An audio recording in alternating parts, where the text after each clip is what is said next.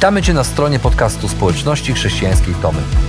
Mamy nadzieję, że rozważanie, które za chwilę usłyszysz, zainspiruje Cię do zrobienia kolejnego kroku w Twojej relacji z Bogiem. Bo w naszej społeczności zapraszamy wszystkich do relacji z Chrystusem, który zmienia wszystko. Dziękujemy za Twoje zainteresowanie i zapraszamy Cię do polubienia naszego profilu na Facebooku, Instagramie i YouTubie oraz ściągnięcia darmowej aplikacji na smartfona. Dobrego słuchania.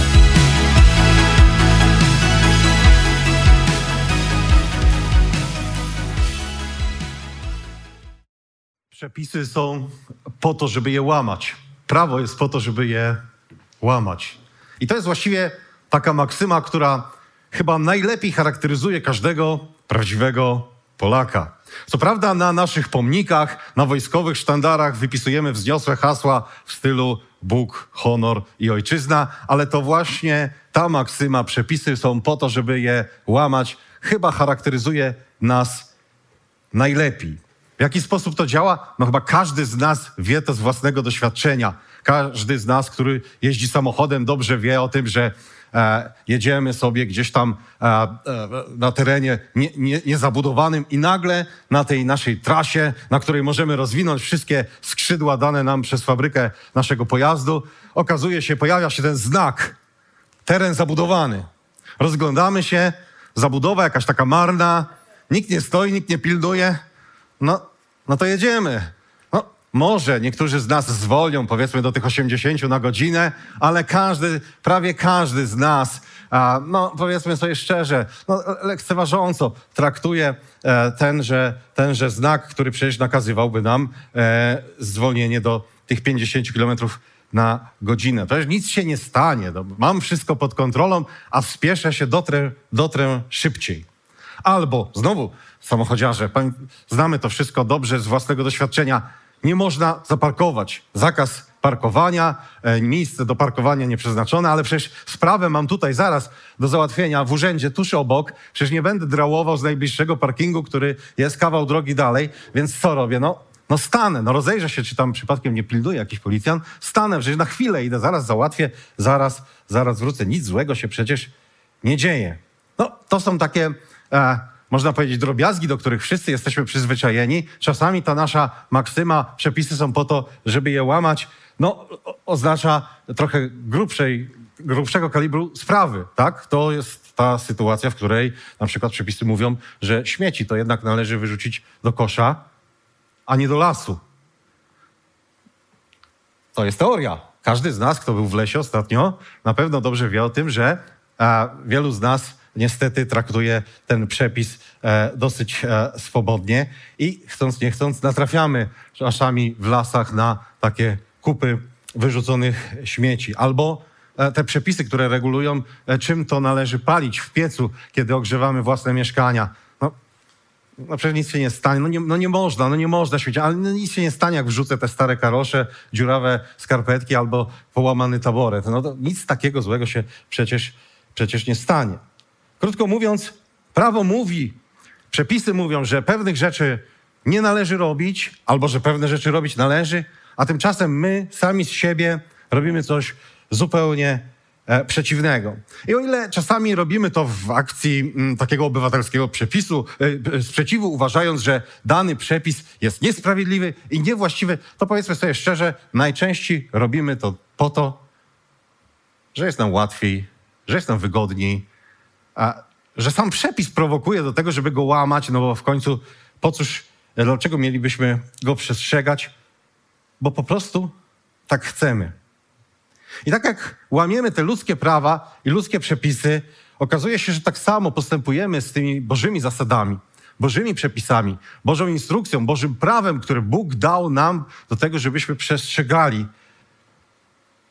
I czasami znowu robimy to w akcie sprzeciwu, bo wydaje nam się, że to Bóg nas ogranicza, że Kościół nas ogranicza, narzucając nam pewne zasady, które nie do końca nam się podobają, ale zazwyczaj robimy to dlatego, że tak jest po prostu łatwiej, że tak po prostu chcemy. Nie mamy ochoty przestrzegać ograniczeń. Chcielibyśmy być wolni i sami o sobie decydować.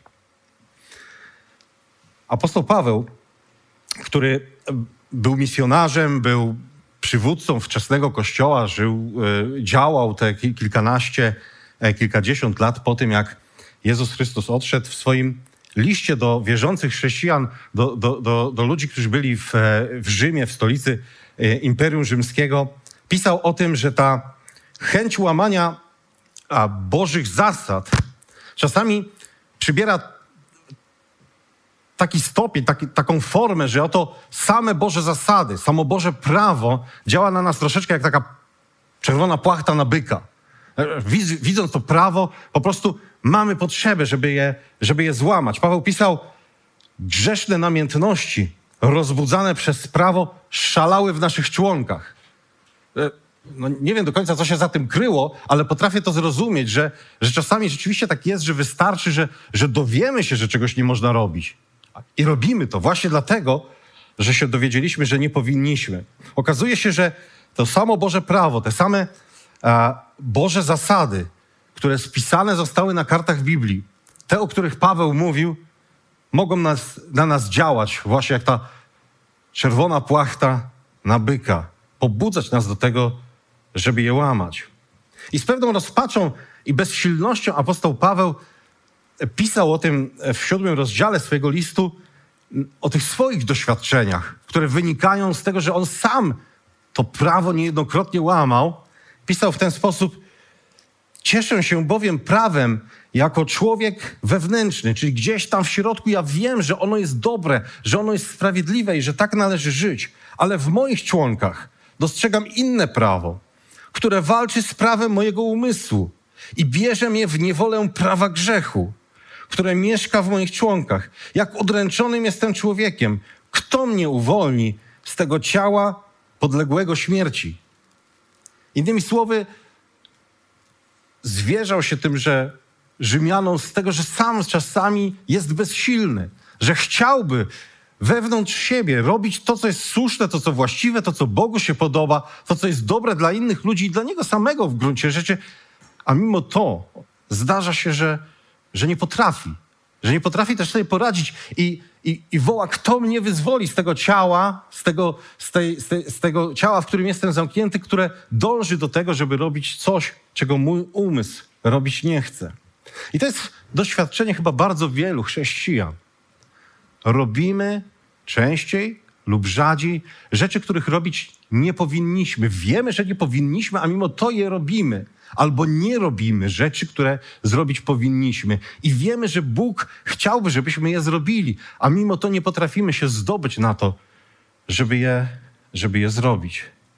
Przecież w ogólnych zarysach zazwyczaj wiemy, czego Bóg oczekuje od nas. Czasami są takie sytuacje, że się zastanawiamy, czy tak, czy, na, czy inaczej należy postąpić, ale zazwyczaj wiemy, wiemy, co jest dobre, co jest złe, co robić należy, czego robić nie należy i okazuje się, postępujemy zupełnie inaczej. Czy więc jest jakaś szansa dla nas, zamkniętych tu na tym świecie, z tym naszym ciałem, które płata nam takie figle, czy jest jakaś szansa, żeby postępować właściwie?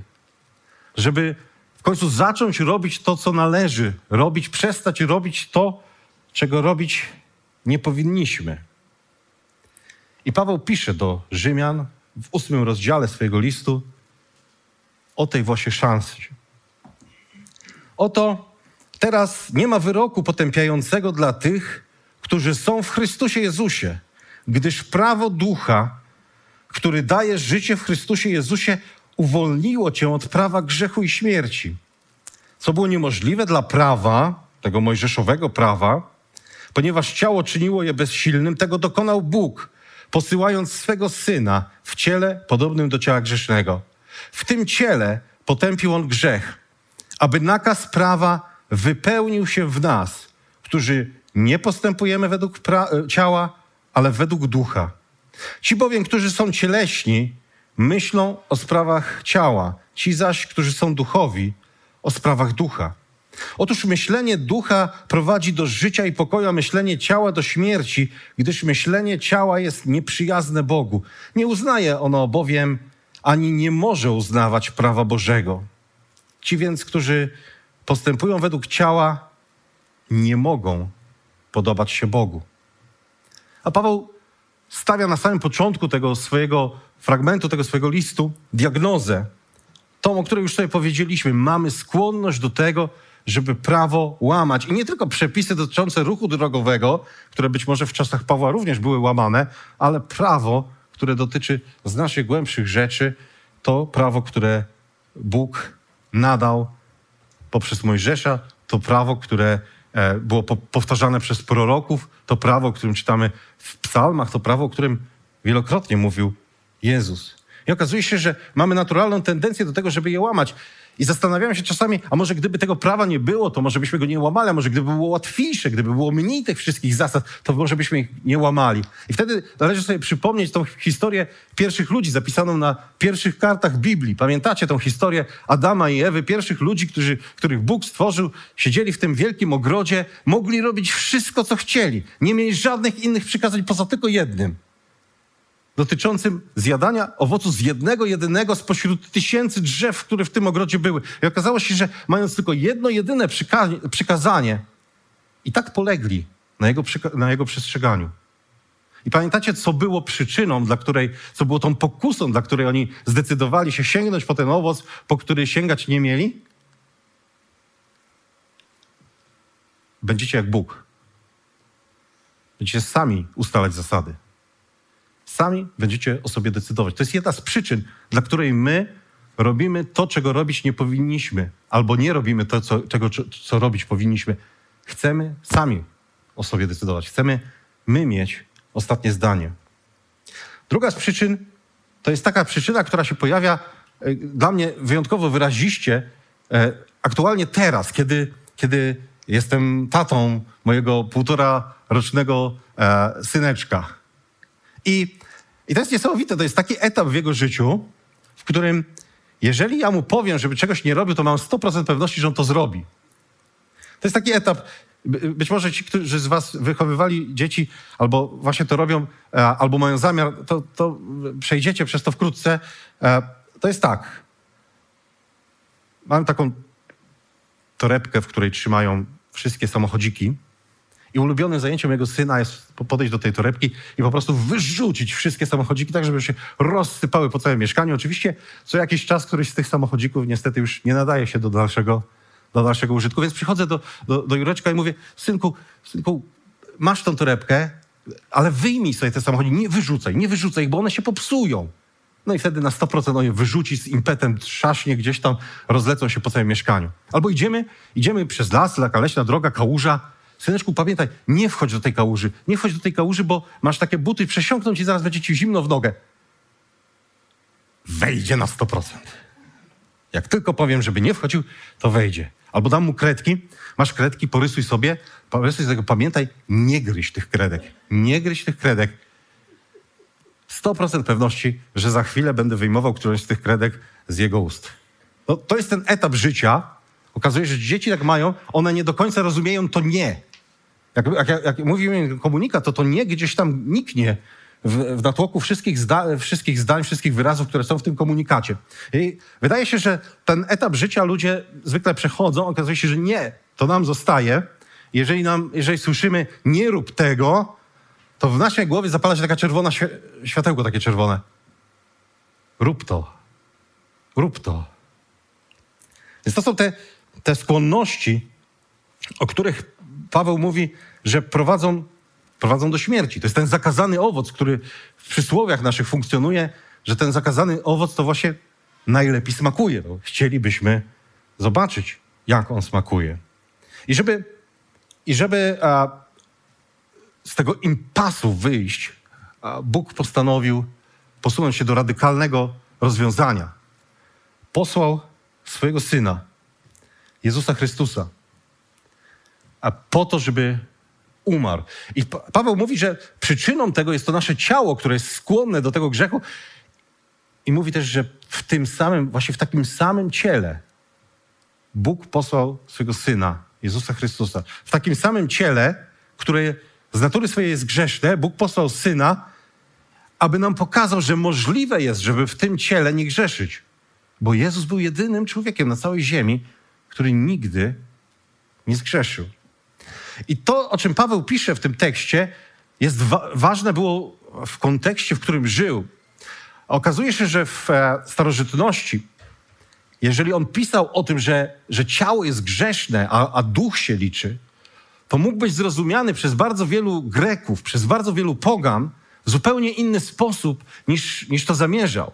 Otóż wielu greckich filozofów przyklasnęłoby takiemu stwierdzeniu. Ciało jest grzeszne i zepsute, natomiast pra duch prawdziwie wznosi nas ku absolutowi. To duch jest tym, na co powinniśmy stawać, e, stawiać, żeby, żeby dojrzewać, żeby się rozwijać, żeby zjednoczyć się z absolutnym bytem, z, z tym, e, co my nazywamy Bogiem.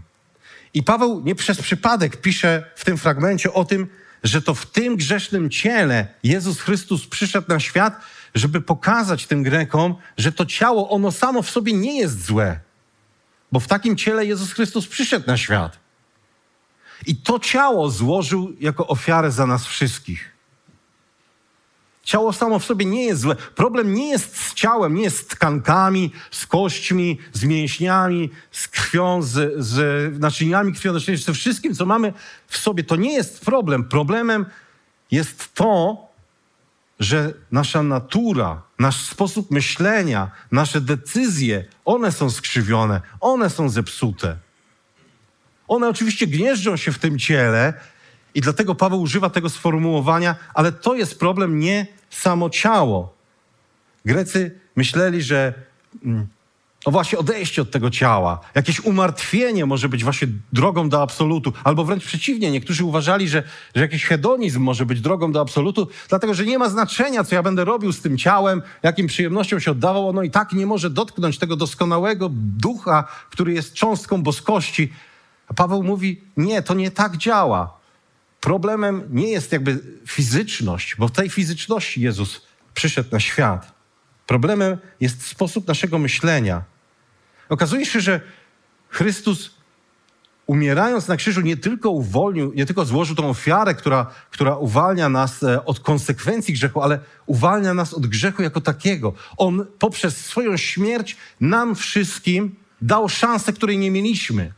Moglibyśmy całe życie naprężać się, napinać i próbować przestrzegać prawa. Nigdy by to się nie udało. Od momentu, w którym Chrystus złożył swoje ciało w ofierze za nas, to jest możliwe, żebyśmy zaczęli myśleć inaczej, żeby nasze skrzywione e, sposób patrzenia na świat się odmienił. Bo choć nasza natura pcha nas do nieposłuszeństwa Bogu i do śmierci w konsekwencji, to Bóg w Chrystusie umarł za nasze grzechy, żeby umożliwić nam takie życie, które Bogu się będzie podobać. I tu dotykamy sedna sprawy, tych konsekwencji, które wynikają z tego wszystkiego, co Paweł do tej pory napisał. Nic, co byśmy zrobili, nie jest w stanie sprawić, że Bóg będzie y, zadowolony z tego, co robimy nie oznacza to, że sami w sobie nie jesteśmy y, w stanie zrobić nic dobrego. To by była nieprawda. Ja znam wielu ludzi, którzy są niewierzący, którzy y, nie uważają Boga za kogoś ważnego w ich życiu, a którzy żyją w sposób często bardzo moralny. Oni często robią bardzo dobre rzeczy. Czasami sam jestem zawstydzony, że nie potrafię w wielu sytuacjach żyć tak, jak żyją oni. Ale oznacza to tyle, że nawet oni, nawet ci ludzie, którzy tak moralnie, wspaniale, doskonale żyją, którzy poświęcają się często dla innych, nawet oni na jakimś etapie, w jakimś fragmencie tego swojego życia zawodzą. Nawet oni gdzieś w pewnym momencie upadają w grzech. Nawet oni pozwalają sobie na to, że w pewnym momencie robią nie to, co należy. I każdy z nas to ma. Niektórzy e, tych momentów mają więcej, niektórzy tych momentów mają mniej. I nagle okazuje się, że każdy z nas łamie prawo, ale jak twierdzi Paweł, nie ma wyroku potępiającego dla tych, którzy są w Jezusie Chrystusie. Nawet jeśli złamałeś Boże zasady, jeśli złamałeś tą Bożą instrukcję dla Twojego życia, to w Jezusie Chrystusie nie ma dla Ciebie wyroku. Jesteś bezpieczny. Nie znaczy to, że masz teraz zacząć grzeszyć, bo wszystko jedno, Bóg i tak umarł za Twoje grzechy. Paweł mówi wręcz przeciwnie powinno powodować to w nas chęć lepszego życia. skoro Jezus tak się dla nas poświęcił, to my zróbmy też coś dla Niego.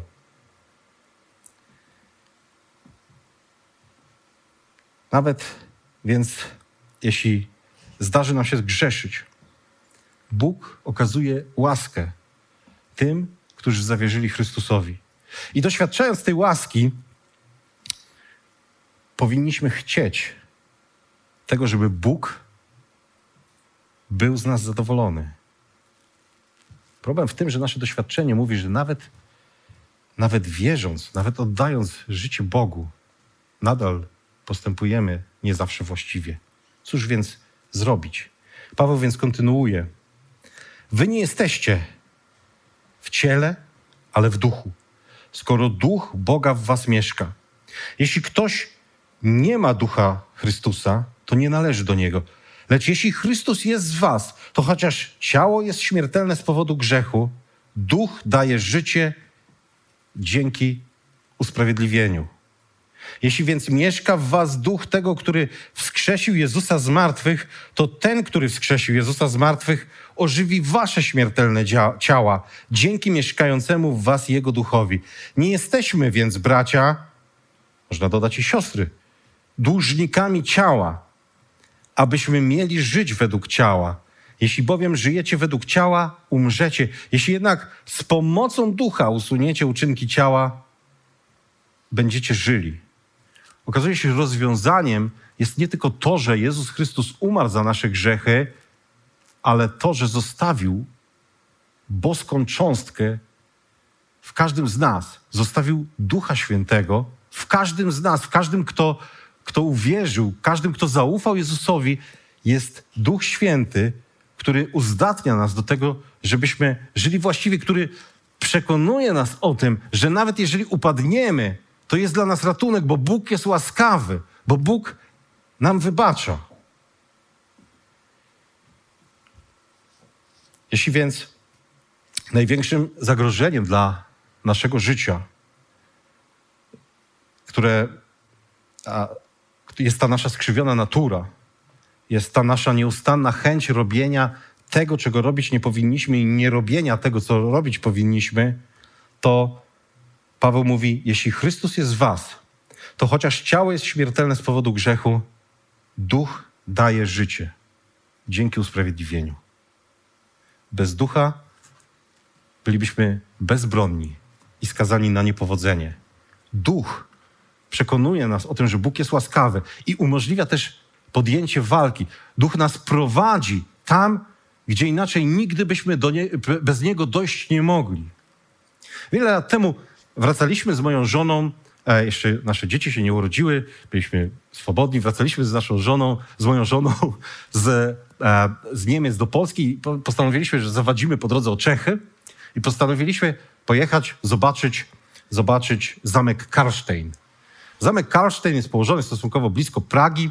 Wielki zamek ufundowany, zbudowany przez e, cesarza niemieckiego i króla czeskiego Karola IV. Bardzo polecam, jeżeli ktoś lubi z Was pamiątki przeszłości, to oczywiście polecam, żebyście mogli tam pojechać. Można, daleko nie jest e, aż tak bardzo, więc można, można e, ten zamek sobie zobaczyć. Natomiast gdybyście tam trafili i chcieli zobaczyć ten zamek sam, no to prawdopodobnie będziecie rozczarowani. Rozczarowani dlatego, że no można obejrzeć sobie, jak on wygląda z zewnątrz. Jest malowniczo położony na skalę nad rzeką, bardzo to fajnie wszystko wygląda. Możecie wejść na ten dziedziniec, e, gdzie tłumy ludzi czekają po to, żeby zobaczyć sobie ten zamek i to już prawdopodobnie będzie wam się mniej podobało, ale nie jesteście w stanie zobaczyć żadnego z zamkowych pokoi, żadnej z zamkowych komnat, ani wszystkiego tego, co tam jest. Żeby to zrobić, trzeba kupić bilet i wtedy przewodnik poprowadzi was do wszystkich tych miejsc. Zobaczycie pałac cesarza. Zobaczycie to miejsce, gdzie nawet cesarz chodził piechotą.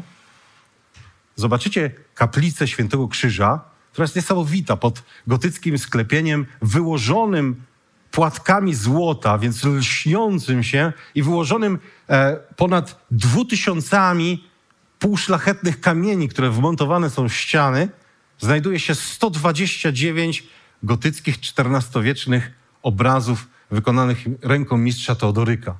Niesamowite, niesamowite miejsce, takie niesamowite wrażenia, jeżeli ktoś z Was jest wrażliwy na sztukę i na przeszłość, ale to wszystko możecie zobaczyć tylko dzięki temu, że przyjdzie przewodnik i Was tam zaprowadzi.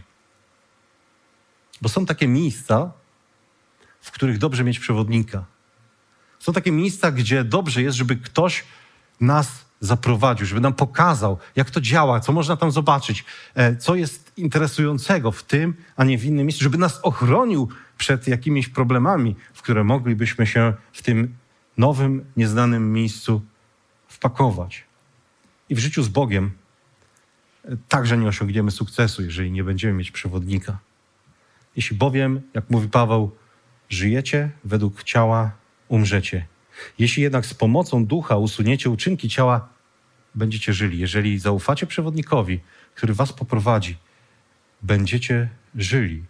Więc choć nasza natura pcha nas do nieposłuszeństwa Bogu i do śmierci, Chrystus zatroszczył się o nas, wyposażając nas w moc Ducha Świętego, aby umożliwić nam takie życie, które Bogu się podoba. I wszystko to brzmi fajnie, ale znowu doświadczenie życiowe mówi nam, że to nie zawsze działa. Bo my także, jako chrześcijanie, którzy mamy Ducha Świętego, od czasu do czasu upadamy i znamy wielu chrześcijan, którzy także postąpili w swoim życiu niewłaściwie. Cóż więc w takiej sytuacji? Okazuje się, że to się też zdarza. Paweł mówi: Ci, których prowadzi Duch Boży, są synami Bożymi. Nie przyjęliście przecież ducha niewoli, aby trwać w lęku, ale przyjęliście ducha, który czyni was dziećmi. W nim wołamy: Abba, Ojcze. Właśnie ten duch zaświadcza naszemu duchowi, że jesteśmy dziećmi Boga. A jeśli jesteśmy dziećmi i dziedzicami, dziedzicami Boga i współdziedzicami Chrystusa, o ile razem z Nim cierpimy, abyśmy też razem z Nim doznawali chwały. Życie, które podoba się Bogu, to jest życie, w którym podejmujemy tą współpracę z naszym przewodnikiem, Duchem Świętym, który nie tylko nas prowadzi, ale czyni z nas dzieci Boga, adoptowane dzieci Boga, synów i córki samego Boga. Kiedy Paweł pisał to do e, ludzi, którzy byli w Rzymie, to oni doskonale sobie zdawali sprawę z tego, czym jest e, adopcja, dlatego że adopcja była no, częścią tego systemu społecznego, który w Rzymie panował. Być może pamiętali jeszcze cesarza Oktawiana Augusta, to był człowiek, który został adoptowany. On pochodził z takiej, dzisiaj nazwalibyśmy to klasy średniej, ludzi zamożnych, no ale nie będących tam na samej górze tej drabiny społecznej. Nie należał do tej grupy patrycjuszy, senatorów, ale właśnie do tych takich średnich, którzy, którzy byli zamożni, mieli swoje majątki, ale, ale nie należeli do tej wąskiej grupy rzymskiej arystokracji. I on został adoptowany przez Juliusza Cezara. Dzięki temu mógł znaleźć się w tej wąskiej grupie. Później mówiono o nim różne plotki, że, że jego przodkowie byli wyzwoleńcami, czyli niewolnikami, których obdarowano wolnością, że jego ojciec był powroźnikiem. No to miało być takie e, traktowanie go w sposób e, no, taki obraźliwy, no bo ten powroźnik to, to jakiś taki rzemieślnik, no to jednak nie to samo, co my senatorowie, jego przeciwnicy polityczni to robili. A okazało się, że dzięki, w znacznej mierze dzięki temu, że Cezar go adoptował, on mógł dojść do najwyższych urzędów i w końcu stać się pierwszym cesarzem Rzymu. I jakbyśmy popatrzyli na historię rzymskich cesarzy, to okazuje się, że to była powszechna praktyka. E, cesarz Nerwa adoptował Trajana, który to Trajan został cesarzem i wsławił się tym, że dzisiaj w Rzymie możecie pojechać i zobaczyć kolumnę Trajana, na której przedstawione są rzeźby pokazujące jego wyprawy wojenne do Dacji. Trajan adoptował Hadriana. I dzięki temu, że adoptował Hadriana, Hadrian został cesarzem i mógł wybudować mauzoleum Hadriana, które obejrzymy w Rzymie, albo mur Hadriana, który możemy obejrzeć na granicy między Anglią a Szkocją. Hadrian adoptował Antoniusa Piusa. Antonius Pius adoptował Marka Aureliusza.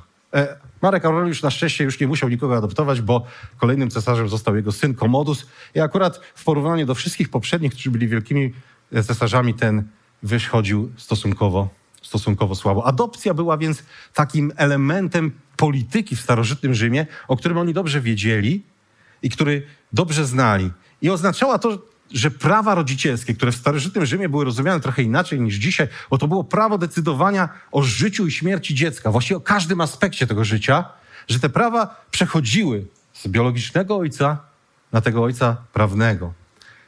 I przechodziło też prawo do dziedziczenia majątku i wszystkiego tego, co odziedziczyć można było. I o ile więc w starożytnym Rzymie adopcja była częścią uprawiania polityki, o tyle w Bożym planie zbawienia adopcja okazała się być częścią tego, co Bóg zamierzył. Zbawienia każdego człowieka, który tylko odda swoje życie Jezusowi Chrystusowi. Oznaczała tyle, że naszym Ojcem staje się sam Pan Wszechświata i my stajemy się współdziedzicami wraz z Jezusem Chrystusem, samego Pana i Stwórcy Wszechświata. I dzięki temu, nawet jeżeli robimy coś, czego nie powinniśmy, albo nie robimy czegoś, co powinniśmy, możemy mówić, nie przyjęliśmy ducha niewoli, żeby trwać w ręku, przyjęliśmy ducha, który czyni nas dziećmi samego Boga.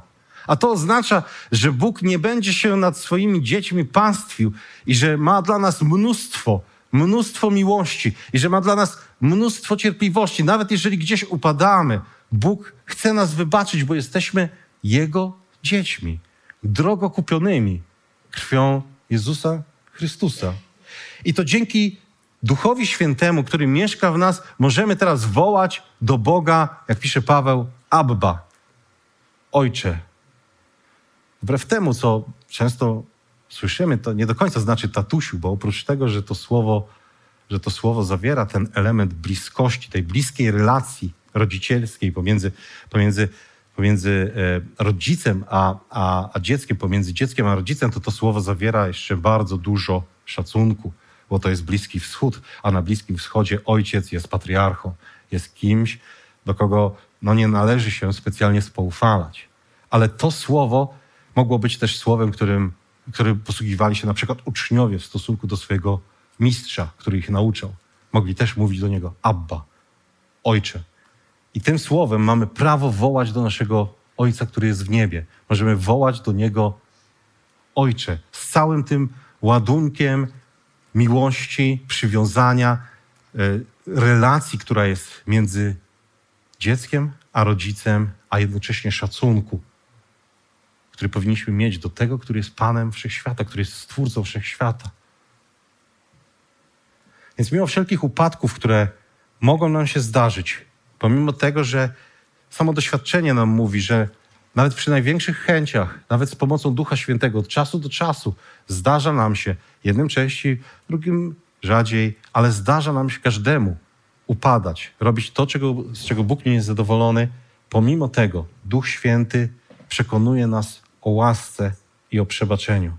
Więc choć nasza natura czyni nas niewolnikami grzechu i prowadzi do śmierci, Duch Święty wspomaga nas, aby czynić nas dziedzicami samego Boga.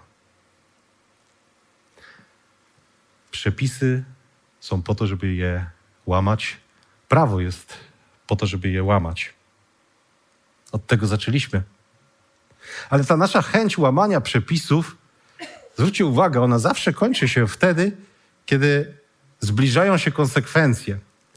A dzisiaj jechałem tą drogą, która prowadzi z Łodzi tutaj do Zakościela. I po drodze miałem wiele miejsc, gdzie była ta tablica ograniczenia prędkości do 50-70 km na godzinę, albo teren zabudowany, więc też trzeba zwolnić do tych 50. Miałem bardzo wiele takich miejsc, ale tylko w dwóch takich miejscach kierowcy naprawdę zwalniali. Jedno to tam stał fotoradar, a drugie tutaj koło Tomaszowa, gdzie jest odcinkowy pomiar e, prędkości. Okazuje się, że przepisy są po to, żeby łamać, ale jeżeli wiemy, że spotykają nas konsekwencje, to jesteśmy mniej chętni do łamania tych przepisów. I tak jest ze wszystkim. Nie przejdziemy na czerwonym świetle, jeżeli po drugiej stronie drogi będzie stał policjant. Nie zaparkujemy samochodu w miejscu, w którym nie, nie można go zaparkować, jeżeli strażnik miejski będzie wyglądał i, e, i, i machał do nas e, z daleka, widząc to, co, co chcemy zrobić. Nie wyrzucimy śmieci do lasu, jeżeli strażnik leśny na polance będzie czekał, ażeby wlepić nam e, mandat. Nie będziemy palić tym, co nie trzeba w piecu, jeżeli spotykają nas z tego powodu jakieś konsekwencje. I to jest taka logika żandarma. Jeżeli jest ktoś, kto wymusi przestrzeganie normy, to my wtedy tej normy łamać nie będziemy. I bardzo często w naszym myśleniu Bóg staje się takim żandarmem. Mamy chęć do tego, żeby z Boga uczynić takiego żandarma. Myślimy sobie, tak, on tam siedzi w tym niebie, wylicza te wszystkie momenty, w których ja zrobiłem coś niewłaściwego, po to, że na tym sądzie, którym przyjdzie mi prędzej czy później stanąć, on wyciągnie wtedy ten cały plik mandatów i mi, i mi, go, i mi go wręczy. Okazuje się, że Bóg zmienił logikę żandarma w logikę Ojca.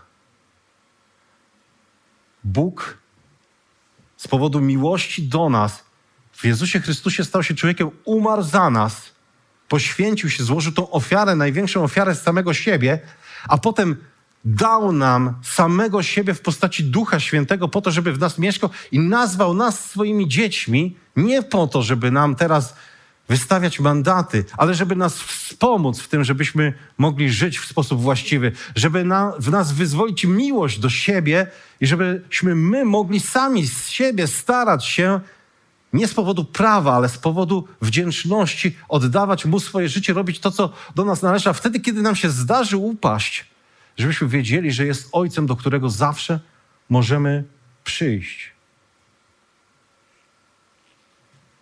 Więc choć w naszej naturze jest łamanie zasad, Bóg zrobił wszystko, aby to zmienić, umierając w Chrystusie za nasze grzechy i obdarowując nas duchem, który pomaga nam żyć tak, jak przystało na Jego dzieci.